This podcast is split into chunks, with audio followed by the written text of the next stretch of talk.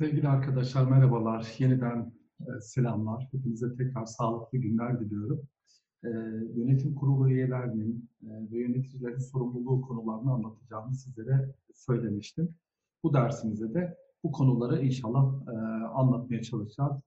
E, iki bölüm halinde yönetim kurulu üyelerinin ve yöneticilerin sorumluluğunu sizlerle e, paylaşmaya çalışacağım. Ama hepsinden önce yine e, bir tane şiiri sizlerle paylaşmak istiyorum. Ümit Yaşar Oğuzcan'dan. Ekranda görüyorsunuz aslında kendi sesinden de dinleyebilirsiniz. Elbette ki şairi kendi sesinden dinlemek çok da hoş oluyor. YouTube'da ararsanız mutlaka bulabilirsiniz. Beni unutma. Bir gün gelir de unuturmuş insan en sevdiği hatıraları bile. Bari sen her gece yorgun sesiyle saat 12'yi vurduğu zaman beni unutma. Çünkü ben her gece o saatlerde seni yaşar ve seni düşünürüm. Hayal içinde perişan yürürüm. Sen de karanlığın sustuğu yerde beni unutma. O saatlerde serpilir gülüşün. Bir avuç su gibi içime ey yar. Senin de başında o çılgın rüzgar. Deli deli esiverirse bir gün beni unutma. Ben ayağımda çarık, elimde asa.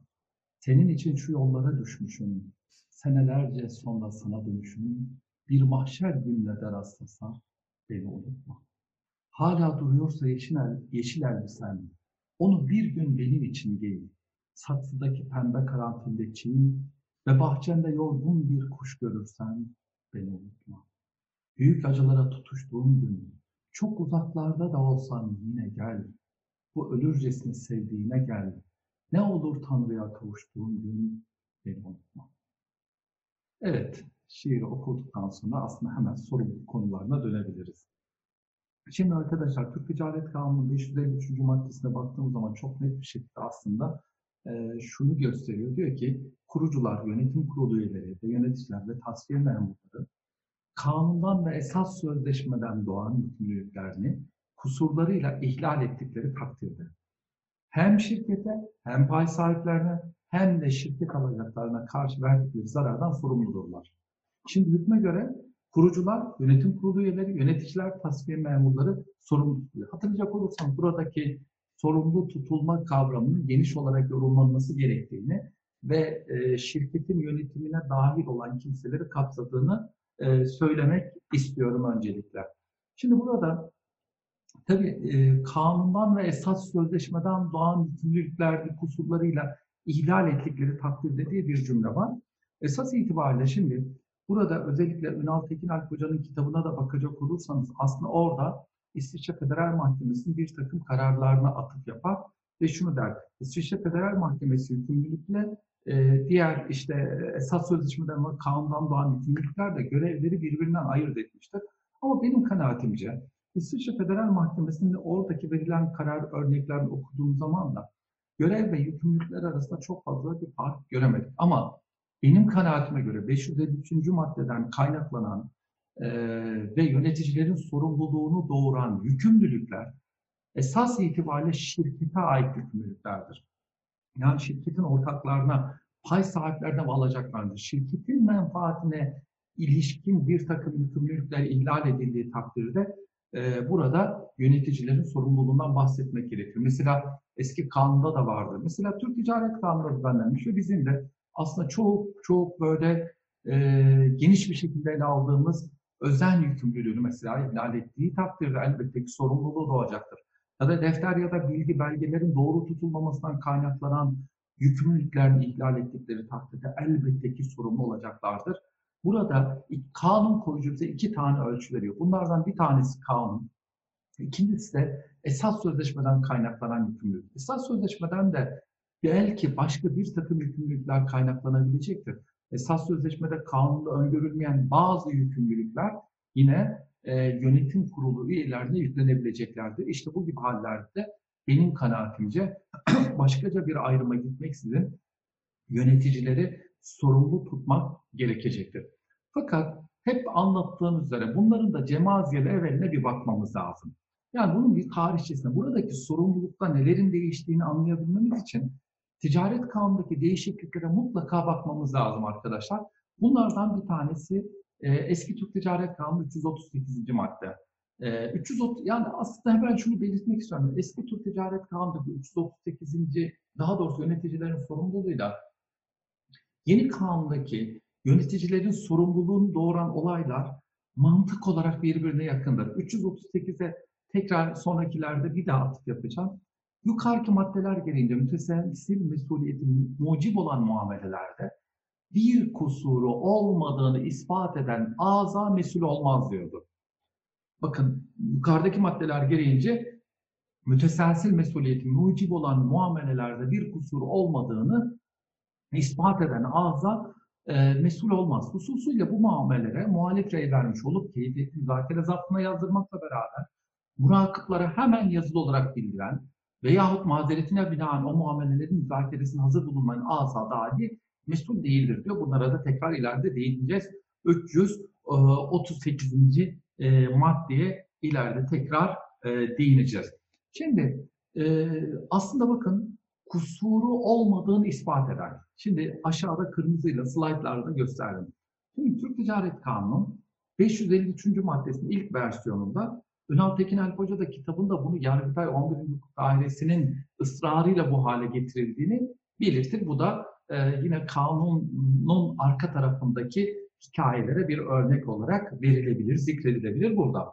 553. maddenin ilk versiyonunda kurucular, yönetim kurulu üyeleri, yöneticiler ve tasfiye memurları kanundan ve esas sözleşmeden doğan yükümlülüklerini ihlal ettikleri takdirde, bakın burası önemli, kusurlarının bulunmadığını ispatlamadıkça, yani yönetim kurulu üyelerine ve yöneticilere biz ne yapıyoruz?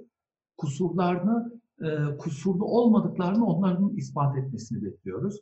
Hem şirkete hem pay sahiplerine hem de şirket alacaklarına karşı verdikleri zarardan sorumludurlar diyoruz. Şimdi bu 6335 sayılı kanunla değişti bakın. Aşağıda da değişikliği. Şu andaki hali de aldı. Bunun temel gerekçesi nedir arkadaşlar? Bunun temel gerekçesi aslında bizim medeni kanundaki ispata ilişkin genel hükümlerimizdir. Davacı davasını ispat etmelidir hatırlayacak olursan. Bir şeyi iddia eden kimse, ondan bir yarar, menfaat e, gözeten kimse kural olarak bunu ne yapmalıdır? İspat etmelidir. Şimdi kurucular, yönetim kurulu üyeleri 6335 sayılı kanundan sonraki şu halini anlatıyorum. Kurucular, yönetim kurulu üyeleri, yöneticiler ve tasfiye memurları kanundan ve esas sözleşmeden doğan yükümlülüklerle kusurlarıyla ihlal ettikleri takdirde hem şirkete hem pay sahiplerine hem de şirket alacaklarına karşı verdikleri zarardan sorumludurlar diyor. Bakın kusurlarıyla diyor. Hani kusurlarının bulunmadığını ispatlanmadıkça kırmızı yazının nasıl kusurlarıyla şekline değiştiğini buradan ne yapabilirsiniz? Ee, sevgili arkadaşlarım görebilirsiniz. Şimdi tabii Türk Ticaret Kanunu'ndaki 338. maddedeki düzenleme ya da 6335 sayılı kanun önceki kusurların bulunmadığını ispatlamadıkça cümlesinin aslında eski kanun zamanında çok sıklıkla tartışıldığını e, belirtebiliriz. Şimdi biz eski kanun zamanında 6762 sayılı kanun döneminde e, biz şunları söylüyorduk. Burada ağırlaştırılmış bir kusur sorumluluğundan bahsedilir. Çünkü temeli nihayetinde aslında yine kusura dayanır. Ama burada arkadaşlar e, buradaki e, kusur ağırlaştırılmış kusur sorumluluğudur. Yani yöneticiler kusurlu olmadıklarını ispatlamalıdır. Sonraki değişiklikte kusurlarıyla ihlal ettikleri takdirde şekline dönüşünce artık klasik bir kusur sorumluluğuna dönüşmüştür diyebiliriz. Ama burada tabii şu eleştiriler yapılabilir. Özellikle sorumluluk davasını açacak davacılar bakımından bu bir zorluk teşkil eder. Özellikle arkadaşlar e, sorumluluk davasını açma hakkına sahip olan pay sahiplerinin şirketten bilgi alma haklarının son derece sınırlı olduğu bir sistemde esas itibariyle hani e, kusurun e, davacılar tarafından ispatlanması bir hayli güç olacaktır. Bu bakımdan bizim kanunumuz aslında bu noktada eleştiriye açıktır. Bunu da çok net bir şekilde e, belirtmek gerekir. Ama bizim yöneticilerin sorumluluğunun kural olarak arkadaşlar e, kusur sorumluluğu olduğunu belirtelim. Peki kusur nedir? Kusur klasik olarak borçlar hukukundaki kusur kavramıyla açıklanmalıdır. Kendi içinde kas ve ihmal olarak iki ayrı, e, ayrılmalıdır. E, bu noktada bir anonim şirket yönetim kurulu üyesinin kusurunu biz şu şekilde diyoruz. Kanunda ya da esas sözleşmede kendisine yükletilmiş olan görevleri kasten yerine getirmesi ya da ihmalen yerine getirmesi ise bu durumda kusurlu e, olmuş olacaktır. Kusurlu kabul edilecektir. Örneğin daha önce de söylemiştim. Mesela yönetim kurulu toplantılarına e, herhangi bir mazeret olmaksızın katılmak mesela ihmalle görevin yerine getirilmediği anlamına gelebilir. E, bu şekilde pekala yorumlanabilir. Çünkü yönetim kurulu görevi ya da yönetim kurulu üyeliği hem bir hak hem de bir yükümlülük demiştik. Bir madalyonun iki yüzü gibidir demiştik hatırlayacak olursanız. Yönetici kavramına tekrar kısaca bir değinmek istiyorum. Yönetici kavramı yönetim kurulu üyelerini 367'ye göre üç yönergeyle tayin edilmiş kişileri, murahasları, fiili organları ya da 367'ye göre değil de herhangi bir kimsenin e, ya da yönetim kurulu üyesinin bir takım işleri e, yapmak için görevlendirdiği kimseleri ifade eder.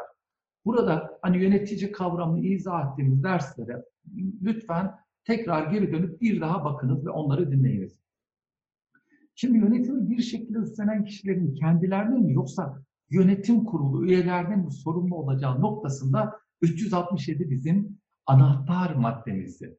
Eğer 367. maddesine göre bir iç yönerge ile e, ve seçmedeki özenler, özen gösterilerek eğer yönetim birilerine devredilmişse yönetim kurulu üyelerinin pekala sorumlu olmayacağını, sorumluluktan kurtulabileceğini söyleyebiliriz. Buna tekrar yine sonraki slaytlarımda da değineceğim. Şimdi hukuki sorumluluğa bakalım. Az önce demiştim ya 338 ya da eski Türk Ticaret Kanunu'ndaki hükümlere tekrar hani bu noktada değineceğim demiştim. İşte bu noktada tekrar e, bunlara gelmek istiyorum aslında. Şöyle ki aslında eski Türk Ticaret Kanunu'nda da şöyle bir düzenleme vardı. Diyordu ki işte e, şunları şunları özellikle sahipmiş olduğu bir takım şeyler vardı, düzenlemeler vardı. Sonra diyordu ki bu düzenlemeleri yapmayan ondan sonra da aynen tam ekse koy sepeti dediğimiz başka bir düzenleme getiriyor. Diyor. Kanundan ve esas sözleşmeden kaynaklanan yükümlülüklerini yerine getirmeyenler diyor. Orada da işte faturaların, bilgi belgelerin vesairelerin e, tutulması yerine getirmeyen diye sayıyor. Bakın aynısı burada da var. Şimdi bakın 549'da somutlaşmıştır yönetim kurulu üyelerinin sorumluluk sebebi nedir? Belgelerin ve beyanların kanuna aykırı olmasıdır. E, 550'de somutlaşmıştır sermaye hakkında yanlış beyanlar ve ödeme yetersizliğinin bilinmesi. 550. maddede bakın somutlaştırılmıştır yönetim kurulu üyesi sorumluluğu bakımından. Değer biçilmesine yolsuzluk somutlaştırılmıştır. İzinsiz halktan para toplamak noktasında yönetim kurulu üyesinin sorumluluğu somutlaştırılmıştır. Fakat 553'e bakalım tam ekse koy sepete. Bakın kurucular, yönetim kurulu üyeleri, yöneticiler, tasfiye memurları kanundan ve esas sözleşmeden doğan yükümlülükleri. Kanundan ve artık hani şöyle düşünebiliriz. Kanun koyucu saymış, saymış, saymış. Sonra demiş ki ya ben bunu zaten sayarak baş edemeyeceğim. Yani en iyisi kanundan ve esas sözleşmeden doğan yükümlülükleri deyin, bitireyim e, diyebilir. E, demiş ve böylece kurtulmuş. Hani e, ben bazen zaman zaman anlatıyorum bir hikayeyi. Aslında Mevlana Celaleddin Rumi Hazretleri ile Yunus Emre aynı çağın insanı değildir. Ama buna karşı bizim Anadolu insanı e, bu iki büyük e, Anadolu düşünürünü aynı çağda yaşatmıştır. Yunus Emre, güya Yunus Emre Mevlana'nın Mesnevi isimli muhteşem eser okumuş, okumuştur. Ee, sonra kendisine sorulmuştur. Ya Mevlana'nın Mesnevisini nasıl buldunuz? Mevlana'ya şöyle demişti. Ya üstadım çok güzel olmuş. Ellerinize sağlık ama biraz uzun olmuş gibi. Hakikaten Mesnevi biliyorsunuz. Ee, biraz uzundur. Ee, ondan sonra Yunus Emre demiş ki uzun olmuş. Ben olsam şöyle derdim. Ete kemiğe büründüm. Yunus'ya göründüm derdim. Bitirirdim demiş. Şimdi bakın aynısı aslında belki de 549, 550, 551, 552 hiç sayılmasa bile ve esas sözleşmeden doğan yükümlülükleri denseydi zaten kafi. Neden? Çünkü bunların her birisi zaten kanunda yönetim kurulu üyelerine yükletilmiş olan görevler olarak karşımıza ne yapmaktadır? Çıkmaktadır. Şimdi belgelerin ve e, beyanların kanuna aykırı olması 549. maddede düzenlenmiş. Şirketin kuruluşu, sermayesinin artırılması ve azaltılması ile birleşme, bölünme, tür değiştirme ve menkul kıymet çıkarma gibi işlemlerle ilgili belgelerin, izahnamelerin, taahhütlerin, beyanların ve garantilerin yanlış, hileli, sahte, gerçeğe aykırı olmasından gerçeğin saklanmış bulunmasından ve diğer kanun aykırılıklardan doğan zararlardan belgeleri düzenleyenler veya beyanları yapanlarıyla kusurların varlığı halinde bunlara katılanlar sorumludur. Bir. İki, sermaye hakkında yanlış e, beyanlar ve ödeme yetersizliğinin bilinmesi. Bu sermayenin korunması hükmüyle de maddesiyle de ya da mal varlığının korunması ilgisiyle ilgi e, hususuyla da yakından ilgilidir. Sermaye tamamıyla taahhüt olunmamış veya karşılığı kanun veya esas sözleşme hükümleri gereğince ödenmemişken taahhüt edilmiş veya ödenmiş gibi gösterenler ile kusurlu olmaları şartıyla şirket yetkilileri bu payları üstlenmiş kabul edilirler ve bu payların karşılıklarıyla zararları faiziyle birlikte müteselsilen öderler.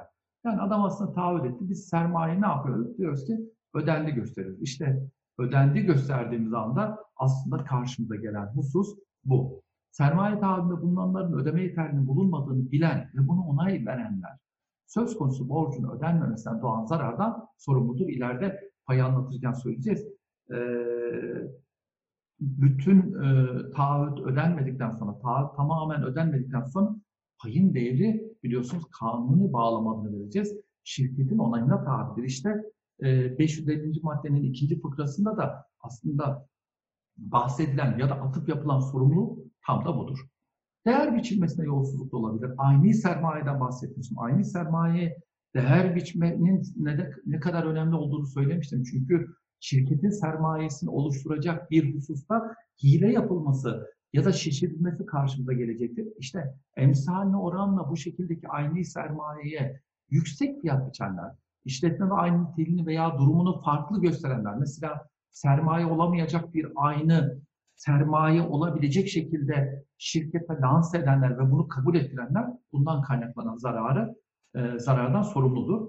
Yine halktan para toplama konusu elbette ki sermaye piyasası kanun daha açık düzenlemeler e, içermekle beraber sermaye piyasası kanun saklı kalmak kaydıyla bir şirket kurmak veya şirketin sermayesini artırmak amacıyla yahut vaadiyle halka her türlü yoldan çağrıda bulunularak para toplanması yasaktır. Bundan kaynaklanan sorumluluklar yöneticilere aittir. Nihayet torba sorumluluk hali yani ne diyoruz? Kanundan ve esas sözleşmeden kaynaklanan yükümlülüklerini yerine getirmeyen yöneticiler sorumludur diyoruz. Bakın daha genel e, bir ifadeyi burada ne yapabiliriz? Söyleyebiliriz. Şimdi sorumluluğun özelliklerine biraz bakalım. Şimdi sorumluluğun özelliği nedir? Birincisinden aslında demin girişte bahsetmiştik. Birinci e, özellik kusur sorumluluğudur. Ya ne demek? Yönetim kurulu üyelerinin sorumluluklar için kusurlu sorumluluk prensibinin kabul edilmesinin sebebi kusursuz sorumluluğun kabul edilmesinin temelinde yer alan tehlike prensibinin yönetim kurulu üyeleri bakımından bir kere var olmamasıdır. Bu bir. Bakın. Ee, bunun dışında eğer biz kusursuz sorumluluğu burada kabul edecek olsaydık yönetim kurulu üyeleri bakımından bu durumda yönetim kurulu üyeliğini üstlenebilecek vatandaş bulmakta zorlanacaktık. Neden? Çünkü ne yaparsan yapsın sen kusursuz sorumlusun. Ondan sonra zaten e, gideceksin. Aldığım 3 kuruş belki 5 kuruş yönetim kurulu ücreti ama o da ne olacak? E, sermayeyi kediye yüklemek dediğimiz bir tabir var. İlk e, bir tazminat davasında ben bütün mal varlığımı kaybetme riskiyle karşı karşıya kalabileceğim. Bu nedenle bu da nedir? E, ciddi bir risk. Peki bunun aslında kusu, e, daha doğrusu şunu söylemek istiyorum. Yönetim kurulu üyeliğinin kusura dayandığını açıkça burada ne yapıyor? Belirtiyor. Şimdi buradaki eğer kusur yoksa yönetim kurulu üyesi de asla sorumlu olmayacaktır. Bizim açımızdan kusur, demin de söylediğim gibi borçlar hukukunda kast ve ihmal olarak iki ayrıldığı için kast olabilir, ihmal de olabilir. Bu noktada herhangi bir fark yok. Yine hafif bir kusur bile sorumluluk için kafi olabilecektir. Bunun da altını çizelim. Peki kusurun tespitinde öne çıkacak bir kavram var, hüküm var mı? Demin söylemiştik 369. madde. Geçen, geçtiğimiz derslerde de bunun üzerinde uzun uzadıya hatırlayacak olursanız bahsetmiştik. Demiştik ki 369. madde bizim için önemli. Yöneticinin özen ve bağlılık yükümlülüğünü düzenler. Hal böyle olunca kusurun tespitinde de bizim o yöneticinin göstermesi gereken özen ve bağlılık yükümlülüğüne bakmamız gerekiyor. Yani business judgment rule ilkesinde belki uygulamamız gerekiyor. Burada kusur noktasında borçlar hukukçularından ödünç alarak bir husus daha dile getirelim. O da şudur. kusur e, burada objekleştirilmiştir. Yani e, o şirketin yönetim kurulu üyesi ölçü olarak alınmayacak. Emsal bir anonim şirketin yönetim kurulu üyesinin davranışları ölçü alacaktır. Ama bu kişiden tamamen bağımsız kılınacağı anlamına da gelemez. İkincisi arkadaşlar sorumluluk şahsidir. Bu ne anlama gelmektedir? Bunun farklı anlamları vardır. Şahsi sorumluluk bütün mal varlığıyla yönetim kurulu üyelerinin sorumlu olduklarını ifade eder. Bir tarafı budur. İkincisi yani sınırsız ve şahsidir diyor ya işte bunu ifade eder. İkincisi arkadaşlar dikkat yönetim kurulunun kurul olarak görevlerini sizlere anlattım. Yönetim kurulunun kurul, kural olarak kurul olarak e, iş göreceğini anlattım. Ama dikkat geldik bakın burada yönetim kurulunun sorumluluğundan bahsetmiyorum. Bakın altını çiziyorum tekrar. Yönetim kurulunun kurul olarak sorumluluğundan bahsetmiyorum. Kurul üyesinin sorumluluğundan bahsediyorum. Neden? Türk Ticaret Kanunu hangi hükümlerini alıp çevirirseniz okursanız okuyun, tersten de düzden de okuyun. Hiçbir yerde yönetim kurulunun kurul olarak sorumluluğundan bahsedilmez. Yönetim kurulu üyesinin e, sorumluluğundan bahsedilir. Bunun sebebi nedir? Çünkü yönetim kurulunun bir tüzel kişiliği bulunmaz. E, anonim şirketin bir tüzel kişiliği vardır. Dolayısıyla yönetim kurulunun kurul olarak bir tüzel kişiliği bulunmaz. O bir organdır. Organ olarak sorumlu olmamasının sebebi de tam da burada yatar. Ben kime dava açacağım sorumluluk davası açarken? Yönetim kurulu. Yönetim kurulu kim? Tüzel kişiliği yok. Dolayısıyla bakın taraf teşkili burada bir kere mümkün değildir. O nedenle kanun koyucu açık, seçik bir şekilde bakın açık seçik bir şekilde ne diyoruz? Kurul üyelerinin sorumluluğundan bahsetmiştir. Bu nedenle ben davamı açarken yönetim kuruluna değil, yönetim kurulu üyelerine bir, birden fazla, bir ya da birkaç kişi ya da hepsi de dava açabilir ama yönetim kurulu üyeleri demem lazım. Çünkü bakın arkadaşlar buradaki e, sorumluluğun muhatabı yönetim kurulu üyesidir. Yönetim kurulu değildir. Tekrar altını çizeyim. Dolayısıyla sorumluluk şahsidir. Bir başka özellik daha vardır sorumlulukta. Farklılaştırılmış teselsül burada ne yapılmaktadır? Uygulanmaktadır. 557. maddesinde çok net bir şekilde farklılaştırılmış teselsülden bahsediyor. Bu konuda Ersin Çamurcu'nun anonim ortaklıklarda farklılaştırılmış teselsül ilkesi uyarınca yönetim kurulu üyelerinin sorumluluklarının belirlenmesi kitabına da bakabilirsiniz. Bu konuyla ilgili çok sayıda makaleye de müracaat edebilirsiniz. Şimdi farklılaştırılmış teselsül ne? Belki e, bunun biraz daha cemaziyel evvelini anlatalım. Şimdi farklılaştırılmış teselsüle Türk önceden müteselsiz sorumluluk esası geçerliydi yönetim kurulu üyelerinde. 6762 sayılı kanun zamanında. Peki burada ne yapıldı? Farklılaştırılmış teselsüle geçildi. Şimdi bunun gerekçesine, bir kere gerekçelerine bir bakalım. Bir, İsviçre Borçlar Kanunu farklılaştırılmış teselsülü kabul etmiş. Bu birinci gerekçe. İkinci gerekçe, e, bildiğiniz üzere hem Türk Ticaret Kanunu hem de aynı zamanda eş zamanda Borçlar Kanunu e, yasalaş, daha doğrusu kanun taslakları hazırlandı. Borçlar Kanunu ilk taslağında borçlar hukukçuları farklılaştırılmış teselsülü e, benimseyeceklerini söylemişlerdi. Nitekim Türk Ticaret Kanunu gerekçesine baka, bakacak olursanız, nitekim diyor borçlar kanununda da farklılaştırılmış teselsül kabul edilmiştir. Müteselsiz sorumluluk ilkesinden vazgeçilmiştir diyor. Fakat e, borçlar hukukçuları e, kanun yani borçlar kanun tasarısını yazan e, heyet daha sonra müteselsiz sorumlulukta karar kılmış farklılaştırılmış teselsüle itibar etmemişler. Dolayısıyla bu noktada bir hani Türk Ticaret Kanunu tabiri caizse kontrpide kalmıştır. E, offside'a düşmüştür diyebiliriz. Fakat burada farklılaştırılmış teselsülü bizim kanun kabul etti. O zaman bu farklılaştırılmış teselsül 557'deki ilkeleri biraz anlatmamız lazım. Bunlardan birincisi.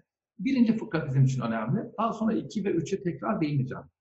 Birden çok kişinin aynı zararı tazminle durumun gereklerine göre zarar şahsen kendisine yükletilebildiği ölçüde bu zarardan diğerleriyle birlikte müteselsilen sorumlu olur. Bakın dikkat birden çok kişi aynı zarardan sorumlu olacak. Ee, bunlardan her biri kusuruna ve durumun gereklerine göre zarar şahsen kendisine ne kadar yükletilebiliyorsa o kadar sorumlu olacak. Şimdi bunun yararları ve zararları üzerinde biraz duralım. Şimdi arkadaşlar farklılaştırılmış teselsül ilkesi uyarınca hakim her sorumlunun kusur miktarı ve diğer unsurları göz önünde bulundurarak bireysel sorumluluk tavanı belirleyecek. Yani tekinmemiş üye, tekinmemiş icracı yönetim kurulu üyesi işte Mustafa Yılmaz da diyelim ki icracı olmayan yönetim kurulu üyesi. Bu iki üyeyi ayıracak diyecek ki Tekinmemiş icracıysa ben şunları şunları yapacağım. Buna daha fazla sorumluluk tutacağım. Bu zararın yüzde yüzden sorumlu olur ama Mustafa Yılmaz e, henüz daha icracı yönetim kurulu üyesi. O da gözetim yükümlülüğü falan filan bir takım şeyler işte o da dikkat edebilirdi falan diyecek. Diyecek ki o da yüzde otuzundan sorumlu. Demek ki Mustafa Yıl- Yılmaz'ın 100 liralık zararda ancak 30 lirasına kadar sorumlu tutulabilecek. Bu bunu dış ilişkiye karşı da savunabilir. Şimdi bakın yararları aslında herkesin kendi kusuru oranında sorumlu tutulacağını düşünerek daha dikkatli hareket etmesinin sağlanmasıdır. Peki zararları nedir? Zarar gören kimse bakımından zararları vardır. Şöyle ki diyelim 3 yönetim kurulu üyesi var. Aslında meydana gelen zararı ödeyebilecek kişi benim, tekinmemiş. 100 liralık zararın hepsinde ben ödeme kabiliyetine sahip, mal varlığına buna müsait. Diğer iki yönetim kurulu üyesi de zaten yönetimden ya da şirketten aldığı maaşla çalışıyorlar. Hiç mal varlıkları yok. 100 liralık zarar kendilerine açıldığı zaman bana bir kusur atfedilemeyecekse ben kurtulacağım. Oysa 6762 sayılı kanunda benim kusurlu olup olmadığım hiç önemli değildi. Yönetim kurulu üyeleri müteselsilen sorumluydu. Bana da gelebilecekler. Ben ya sorumluluktan tamamen kurtulacağım ya da %10 kusurum varsa kardeş 10 lirayı ver ben çekilirim bu aradan diyeceğim. İşte bu gibi hallerde, bu gibi hallerde arkadaşlar e, zarar gören e, tazminatı ya da maruz kaldığı zararı tam olarak tazmin ettirememe durumu karşımıza gelecektir. Şimdi bakın burada aslında tam anlamıyla bir hukuk felsefesi sorusu gelebilir. Yani bir gerçekten bunu tartışılabilir. Yani 6762 sayılı kanunda zarar gören kimse bütün yönetim kurulu üyelerine karşı dava açarak herhangi birisine tazminat alıyordu. Kusurundan daha fazlasını ödeyen yönetim kurulu üyesi diğerlerine ne yapabiliyordu? Ee, rücu edebiliyordu. Ama yeni kanunda e, zarar gören bazı hallerde e, ödeme gücü kabiliyeti olan bir kimsenin e, sorumluluk zincirinden çık- çıkabilmesi nedeniyle tazminata tam olarak kavuşamamaktadır. İşte bu gibi hallerde ne olacaktır? Bu gibi hallerde arkadaşlar e, bu durumda zarar gören e, tazminata tam ulaşamayacaktır. Acaba siz hangisini düşünüyorsunuz? Hangisi daha adil? İşte tam da hukuk felsefesiyle ilgili soruyu sormanın vakti gelmiştir. Acaba siz hangisini düşünüyorsunuz? Yani 6762 sayılı kanun zamanındaki e, düzenleme mi daha uygundur? Yine kanun zamanındaki düzenleme mi daha adil? Bakın burada kanun koyucu net bir şekilde yönetim kurulu üyelerinin menfaatleri yönünde bir tercihte bulunmuştur. E, benim kanaatim farklılaştırılmış tesadüfün bizim kusur ilkesini kabul eden genel Türk hukuk sistemine daha uygun olduğudur. Yani insanlara aslında e, kusurların ötesinde bir takım zararları ödettirmenin de bir anlamının olmadığını e, düşünüyorum. Şimdi farklılaştırılmış tesadüfü nasıl uygulayacağız? Önce bir unsurlarına bakalım. Bir kere bir birlikte zarar olması lazım. Ne diyordu? Farklılaştırılmış tesadüfte 557. maddede diyordu ki birden çok kişinin aynı zararı tazminle yükümlü olmaları halinde. Demek ki birlikte bir e, zarar verilmesi gerekiyor. Eğer yönetim kurulu üyelerinden sadece bir tanesi zarar vermişse bu durumda e, diğer yönetim kurulu üyeler zaten farklılaştırılmış teselsüle tabi tutulmaları imkansız. Niye? Zaten ya o verdi işte. Ya da ben 367'ye göre bir yönetici tayin ettim. Zaten ona devletim. Seçmede de e, özen gösterdim. Gerçekten yapabilecek birini seçtim. O zaman zaten e, burada farklılaştırılmış teselsül hiç devreye girmeyecektir. O yüzden mahkeme tarafının yapılması gereken ilk şey birlikte bir zararın verilip verilmediğinin araştırılması. İkincisi, zararın doğmasına sebep olan her bir yönetim kurulu üyesi şahsına ilişkin indirim sebeplerini, kusurun derecesini ve durumunda gereklerini, e, kendi konumunun bütün gereklerini ileri sürerek zararın tamamından değil, sadece kendi kusuruna isnat edilebilecek kısmından sorumludur. İşte bu nedenle hakim bu noktada ne yapmalıdır? Üyenin kusuruna, durumun gereklerine göre bir takdir hakkına sahiptir. Öncelikle bunu ne yapmalıdır? Belirlemelidir. Dolayısıyla o yönetim kurulu bu işi tek başına mı yapmış? Birlikte mi yapmış? Yönetim kurulu icracı üye mi? Değil mi? Ondan sonra bununla ilgili yanlış enformasyon kimden kaynaklanıyor? Bu gibi hususların her birisi tek tek ne yapılmalıdır? Araştırılmalıdır ve her bir üye, üyeye düşen sorumluluk tavanı ya da derecesi belirlenmeleri. Tekinmemiş yüzde on. Ee, işte Mustafa Yılmaz yüzde otuz. Ali Cenkoğlu yüzde yüz mesela. Bu şekilde mutlaka ne yapılması gerekir? Bir sorumluluk derecelendirilmesinin yapılması gerekir. Şimdi tabii müteselsiz sorumlulukla kusurla zarar arasında illiyet bağı kurulmamaktadır. Üyeler kusurların derecesine bakılmadan davacıya karşı zararın tamamından sorumlu olurlar. Farklılaştırılmış teselsizde ise kusurla zarar arasında illiyet bağı kurulmaktadır. Böylece üyenin verdiği zarar oranında tazminattan sorumlu olması ne yapılmaktadır? Öngörülmektedir. Müteselsiz sorumlulukta yönetim kurulu ya da sorumludur diyorduk. Geçiyorduk, gidiyorduk. Ee, o kusurlu mu değil mi? Onlar arasında gürücü ilişki. Oysa bakın e, farklılaştırılmış teselsürde kusurla zarar arasında bir illiyet bağı ne yapılmaktadır? Kurulmaktadır.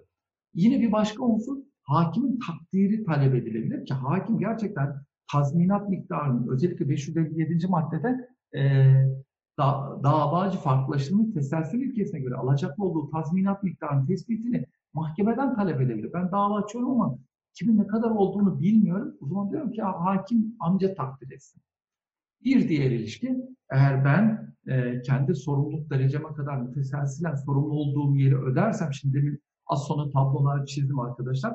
Bu tabloların içinde rücuyu da anlatacağım size. Bu halde ben ne yapacağım? Rücu da edebileceğim. Daha fazladan ödediğim şeyler tazminat miktarında diğer üyelere rücu edebilme imkanına sahip. Önce basit bir tablo verelim. Şimdi A, B ve C. Oran A'nın kusuru %10, B'nin kusuru %30, C'nin kusuru %100. Şimdi burada 10 bin liralık bir zarar meydana geldiğini e, düşünelim. Benim e, kusurum %10 sa zaten ben bunun 1000 lirasından A, B ve C müteselsilen sorumlu olacağım. Yani gerçekten e, bir zarar meydana geldi. Adam da üçümüze karşı dava açtı ya da bana dava açtı. Ben ne diyeceğim? Benim kusurum sadece %10'lu diyeceğim. Ben ne yaparım? 1000 lirayı öderim. Bakın 1000 lirayı ödemekten kaçınamam. Ama dikkat. İşte burada rücu geliyor. Ben ne yapıyorum? A olarak aynı zamanda B ve C'nin e, C'ye isabet eden miktarı da ödüyorum. Bu durumda aslında ben ne kadar 333.3'lük miktardaki kısımlar için B'ye 333.3'lük kısım için C'ye de müracaat edin. Neden? Çünkü aslında ben bana isabet eden kusurdan daha biraz daha fazlasını ödedim. Yine bakın burada bir rücu ilişkisi var. B ve C %30'a kadar aslında müteselsilen sorumlu. Mesela davayı B ve C'ye açılmış olsaydı hakim sorumluluk e, derecelerini e, tespit ettikten sonra e, B'nin sorumluluğunu %30 olarak tespit ettikten sonra B ile C arasında artık müteselsiz sorumluluk ilkesinin geçerli olacağını söyleyebiliriz. Geriye kalan %70'den C'nin tek başına sorumlu olacağını ne yapabiliriz söyleyebiliriz. Şimdi burada aslında birkaç tane e, örneği daha sizlere çıkardım. Zararın tamamına göre belirlenen bu miktarlar dış ilişki için geçerlidir. Alacağın tamamı olan 10 bin liralık miktarın hepsi ödenip alacaklı tatmin edilinceye kadar borçlar kendileri için belirlenen tamam miktarın tamamına kadar sorumlu. Yani borçlar kanunu anlamındaki müteselsiz sorumluluk olsaydı 10 bin liranın tamamı için her bir borçla müracaat edilebilecekti. Bu noktada bakın işte farklılaştırılmış teselsülle e, müteselsiz sorumluluk arasındaki en büyük fark burada karşımıza çıkar. Aslında müteselsiz sorumlulukta zarar gören kimsenin karşısında 30 bin liralık, farazi de olsa 30 bin liralık bir teminat durmaktadır. Oysa farklılaştırılmış teselsüde bu sadece 10 bin liradır. Neden? Çünkü 10 bin liraya kadar ulaşabilecek. Yukarıdaki örnekte zararın tamamı tahsil edilirse kadar bütün yönetim kurulu üyelerinden mesela tazminat alınabilecek. Buna karşı mesela bir örnek daha verelim. 10 bin liralık bir zarardan sorumlu olan A, B ve C'nin sorumlulukları ikişer bin lira e, olsaydı. Bu halde zararın tamamı kavramı bunların toplam olan 6 bin lirayı ifade etmelidir. Yoksa 10 bin lirayı ifade etmeyecektir. Neden? Çünkü zaten ikişer bin liralık bir sorumlulukları var. Bu halde buraya kadar ne yapılacaktır? Sorumlu e, olunacaktır. Burada başka neler var? Davacının işini 500, demin söylemiştim 557'ye tekrar döneceğim de. Şimdi davacı biz pay sahibi olarak yönetim kurulu üyesinde dava açıyoruz. Ben davamı açacağım ama ya kimin ne kadar sorumlu olduğunu ben nereden bilebilirim? Ben gariban bir pay sahibiyim. Hal böyle olunca kanun koyucu ne yapıyor? 557. maddede açık bir şekilde bir düzenleme getiriyor. Diyor ki davacı birden çok sorumlu kişiyi zararın tamamı için birlikte dava edebilir hakimin aynı davada her bir davalının tazminat borcunu belirlemesini isteyebilir. Birden çok sorumlu arasındaki başvuru durumun bütün gerekleri dikkate alınarak hakim tarafından belirlenir. Şimdi bakın e, dolayısıyla ben ne yapıyorum? Üçüne karşı dava açıyorum. Diyorum ki e, her bir e, yönetim kurulu üyesinin bana ne kadar tazminat borçlu olduğunda lütfen siz belirleyin diyorum. Çünkü bunu gerçekten benim belirleme şansım yok.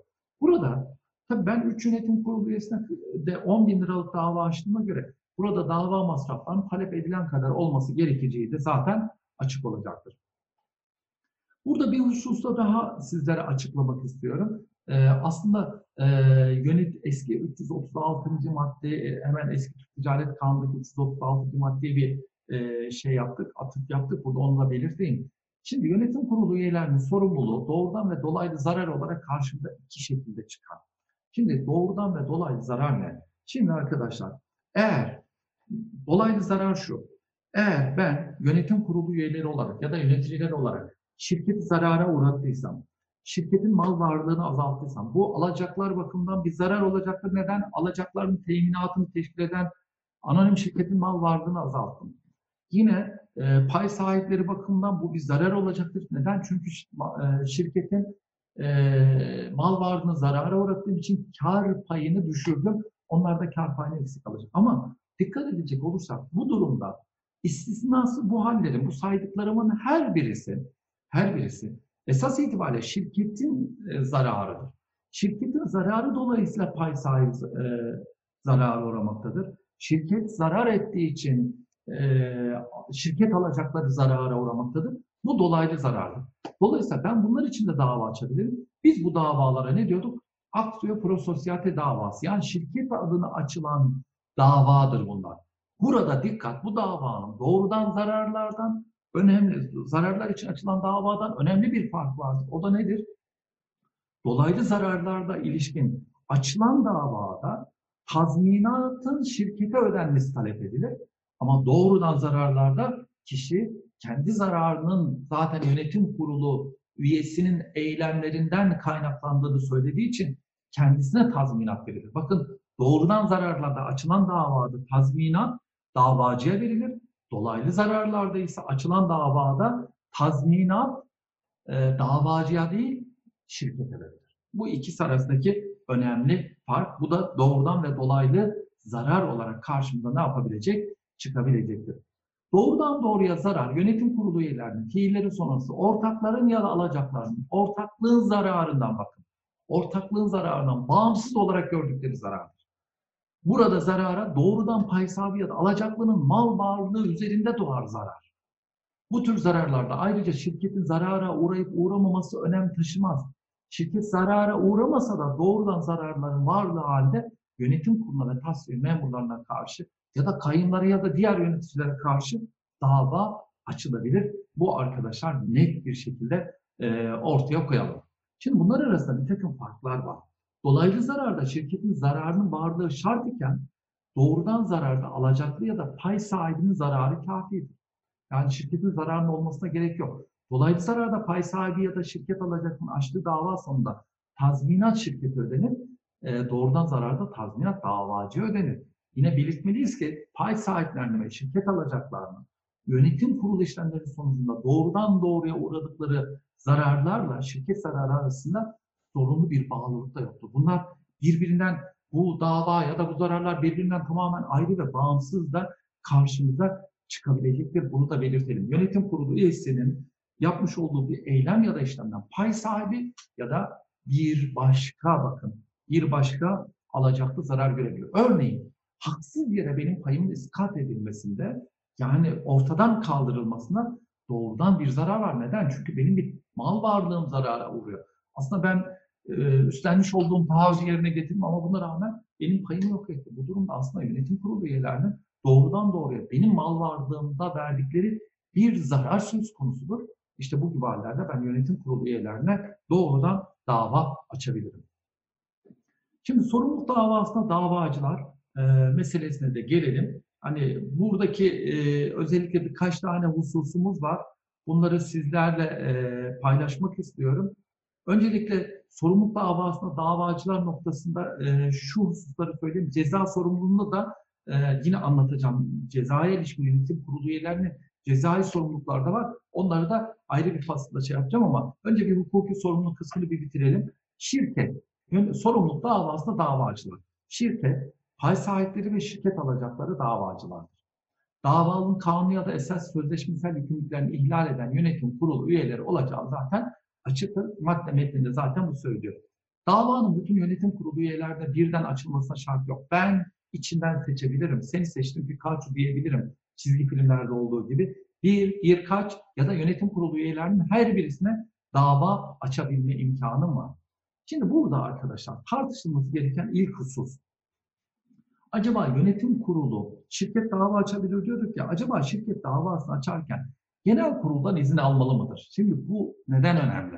Çünkü çünkü aslında bu eski Türk Ticaret Kanunu'nda açıkça düzenlendiği için bir kere eski kanun zamanında verilmiş olan yargıtay kararlarında ulaşılan sonuç doğru olduğunu ne yapıyoruz? Söylüyoruz. Neden? Çünkü o dönemdeki 6762 sayılı kanun zamanında yöneticilere açılacak davada genel kurul kararının alınması gerektiğine ilişkin açık bir hüküm vardı. Fakat buna rağmen yani yeni kanunda bir kere 408'e bakın asla burada böyle bir düzenleme bulunmaz. Ama buna rağmen bizim e, hukukumuzda da esas itibariyle bir görüşe göre ve e, hani birçok kişi de bunu savunuyor. Sorumluluk davasında genel kurul kararının gerekli olduğu savunulmaktadır. Bu görüşe göre her ne kadar açıkça genel kurul kararı alınması gerektiği TTK 553 ve devamı hükümlerinde düzenlenmediyse de 479 3C hükmünde sorumluluk davası açılması kararında e, hemen 479'da açacağım. 479 3C imtiyazlı paylara ilişkin bir hususu düzenler. 3C'de şöyle söylüyor. Oyda imtiyaz aşağıdaki kararlarda kullanılamaz. Ya oyda imtiyaz nerede kullanılıyor? Genel kurulda. Bakın bu görüş sahipleri diyor ki genel kurulda kullanılıyor. Bakın ibra ve sorumluluk davası açılmasında diyor. O halde diyor burada da aslında bizim kanun koyucu bu 479 3C ile beraber düşündüğümüz zaman genel kurul kararının varlığını şart koşuyor. Bu birinci görüş arkadaşlar. Ee, buna ilişkin 11. Hukuk Dairesi'nin aslında daha önceki düzenlemelere 6762 sayılı kanun zamanındaki düzenlemelerde bakın burada bir atıf yapıyorum. Mülga sadece siyahlı kısımları okuyayım, sıkmayayım size. 6762 sayılı TTK'nın 556. maddesi hükmünde şirket yöneticilerinin sorumlulukları hakkında anonim şirketin bu hususlara ilişkin hükümlerinin uygulanacağı öngörülmüş olup bu yollama ile uyuşmazlığı aynı yasanın 341. maddesinin hükmünün uygulanması gerekir.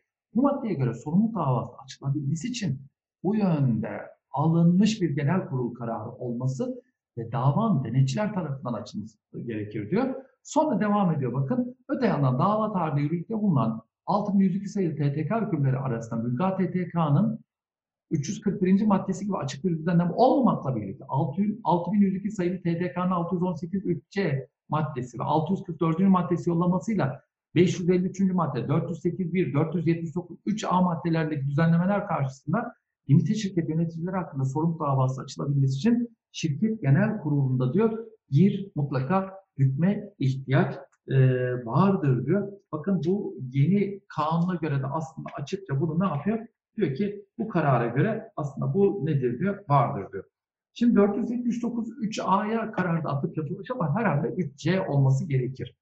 Şimdi ikinci görüş. ETK'da yani eski ticaret kanunu açıkça düzenlenmiş dava şart niteliğindeki genel kurul kararının alınması gerektiğine bir kere Türk Ticaret Kanunu'nda açıkça yer verilmemiştir. E, dolayısıyla bir kere zaten bu hükmün kaldırılmış olması, bu hükme yer verilmemiş olması bilinçli olarak eski düzenlemeden vazgeçildiğini e, ortaya koymaktadır. 479 peki 3C ne olacak? 479 3C ise unutulmuş bir hükümdür. Dolayısıyla aslında 479 3C ile getirilen genel kurul kararı alınmasına yönelik dolaylı bir hüküm ETK e, uygulamasında olduğu gibi genel kurul kararı alınmasına dava şartı niteliğine getirmeyeceği de bu görüşte ileri sürülmektedir. Bu görüşe göre dava açma yetkisi hem genel kurul kararıdır, genel kurula aittir hem de yönetim kuruluna aittir. Yani genel kurulda dava açabilir ama yönetim kurulda dava açabilir. Böyle bir dava açıldığı takdirde Eğer yöneticilere karşı, mevcut yöneticilere karşı bir dava açılırsa burada bir kayyım e, şirketi ne yapabilecektir? Temsil edebilecektir denilmektedir. Tabii sorumluluk davası açılması kararının yönetim kurulunca alınması gerektiğinin bir diğer sebebi de aslında yönetim kurulu üyelerinin 375. maddede sayılan üst gözetim yükümlülüğüdür. Çünkü yeni gelen yönetim kurulu üyesinin aslında eski yönetim kurulu üyeler zamanında yapılmış olan iş ve işlemleri bir kere gözden geçirmesi gerekiyor. Bu üst gözetim yükümlülüğü işte burada eğer herhangi bir şey varsa bu durumda 479 3C hükmüne takılmadan bu davanın açılabilmesi lazım.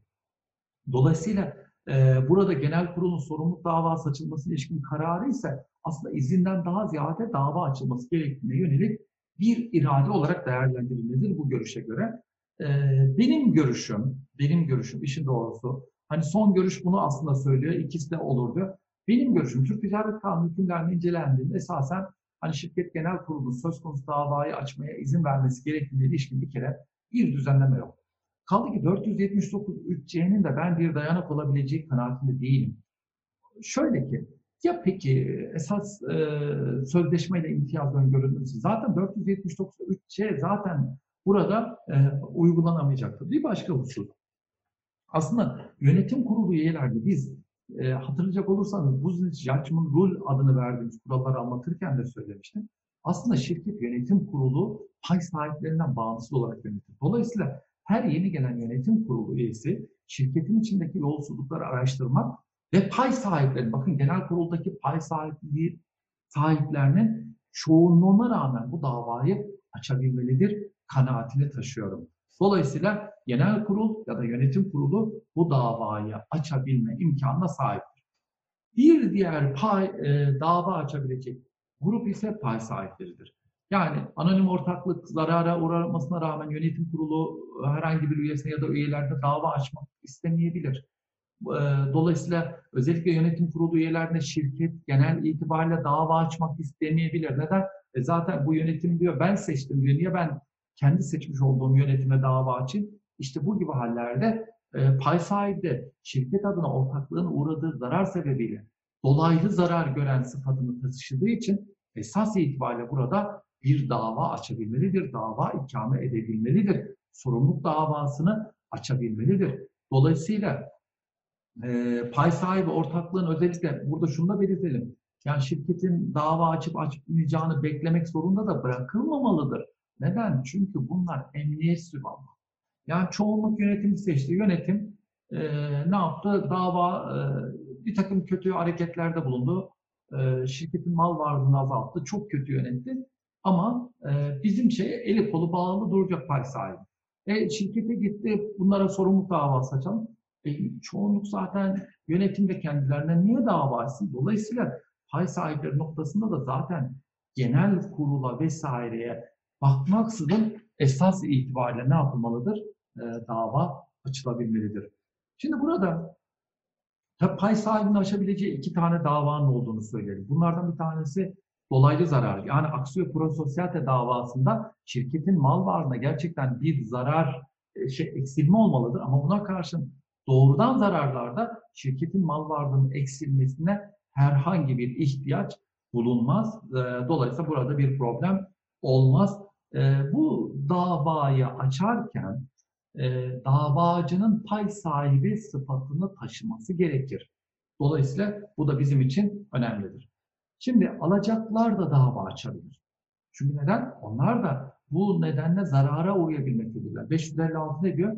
Alacakların dolaylı zarar nedeniyle dava açabilmeleri için ortaklığı iflas etmiş olması şartını arıyor 556.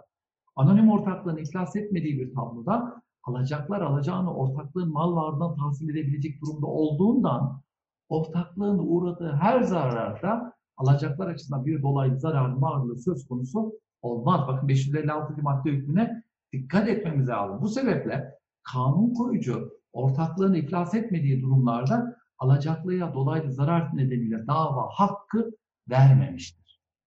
Ama e, doğrudan zararlarda ise alacaklı bu zararlarını şirket iflas etmiş olsun olmasın vesaire her halükarda ne yapabilecektir? E, talep edebilecektir. Peki şirketin zararı nedir? Bir şirketin zararı olması lazım. Özellikle aksiyon prososyalde. Yani yönetim kurulu üyeleri görevlerini savsaklamış olabilir, kusurlu olabilir. Ama zarar yoksa biliyorsunuz tazminat davasının en temel şartlarından birisi zararın olmasıdır. Dolayısıyla bir ceza mahiyetinde bir dava açılamaz. Tazminat davasının temel şartı olan zarar ortaya çıkmalıdır. Şirketin 555'e göre zararı olmalıdır. Şirketin uğradığı zararın tazminini şirket ve her bir pay sahibi isteyebilir. Pay sahipleri tazminatın ancak şirket ödenmesini isteyebilir diyor. Sonra devam edeyim. İflasta da az önce söylediğimiz 556 maddeyi açıkça söyledim. Demin anlatmıştım.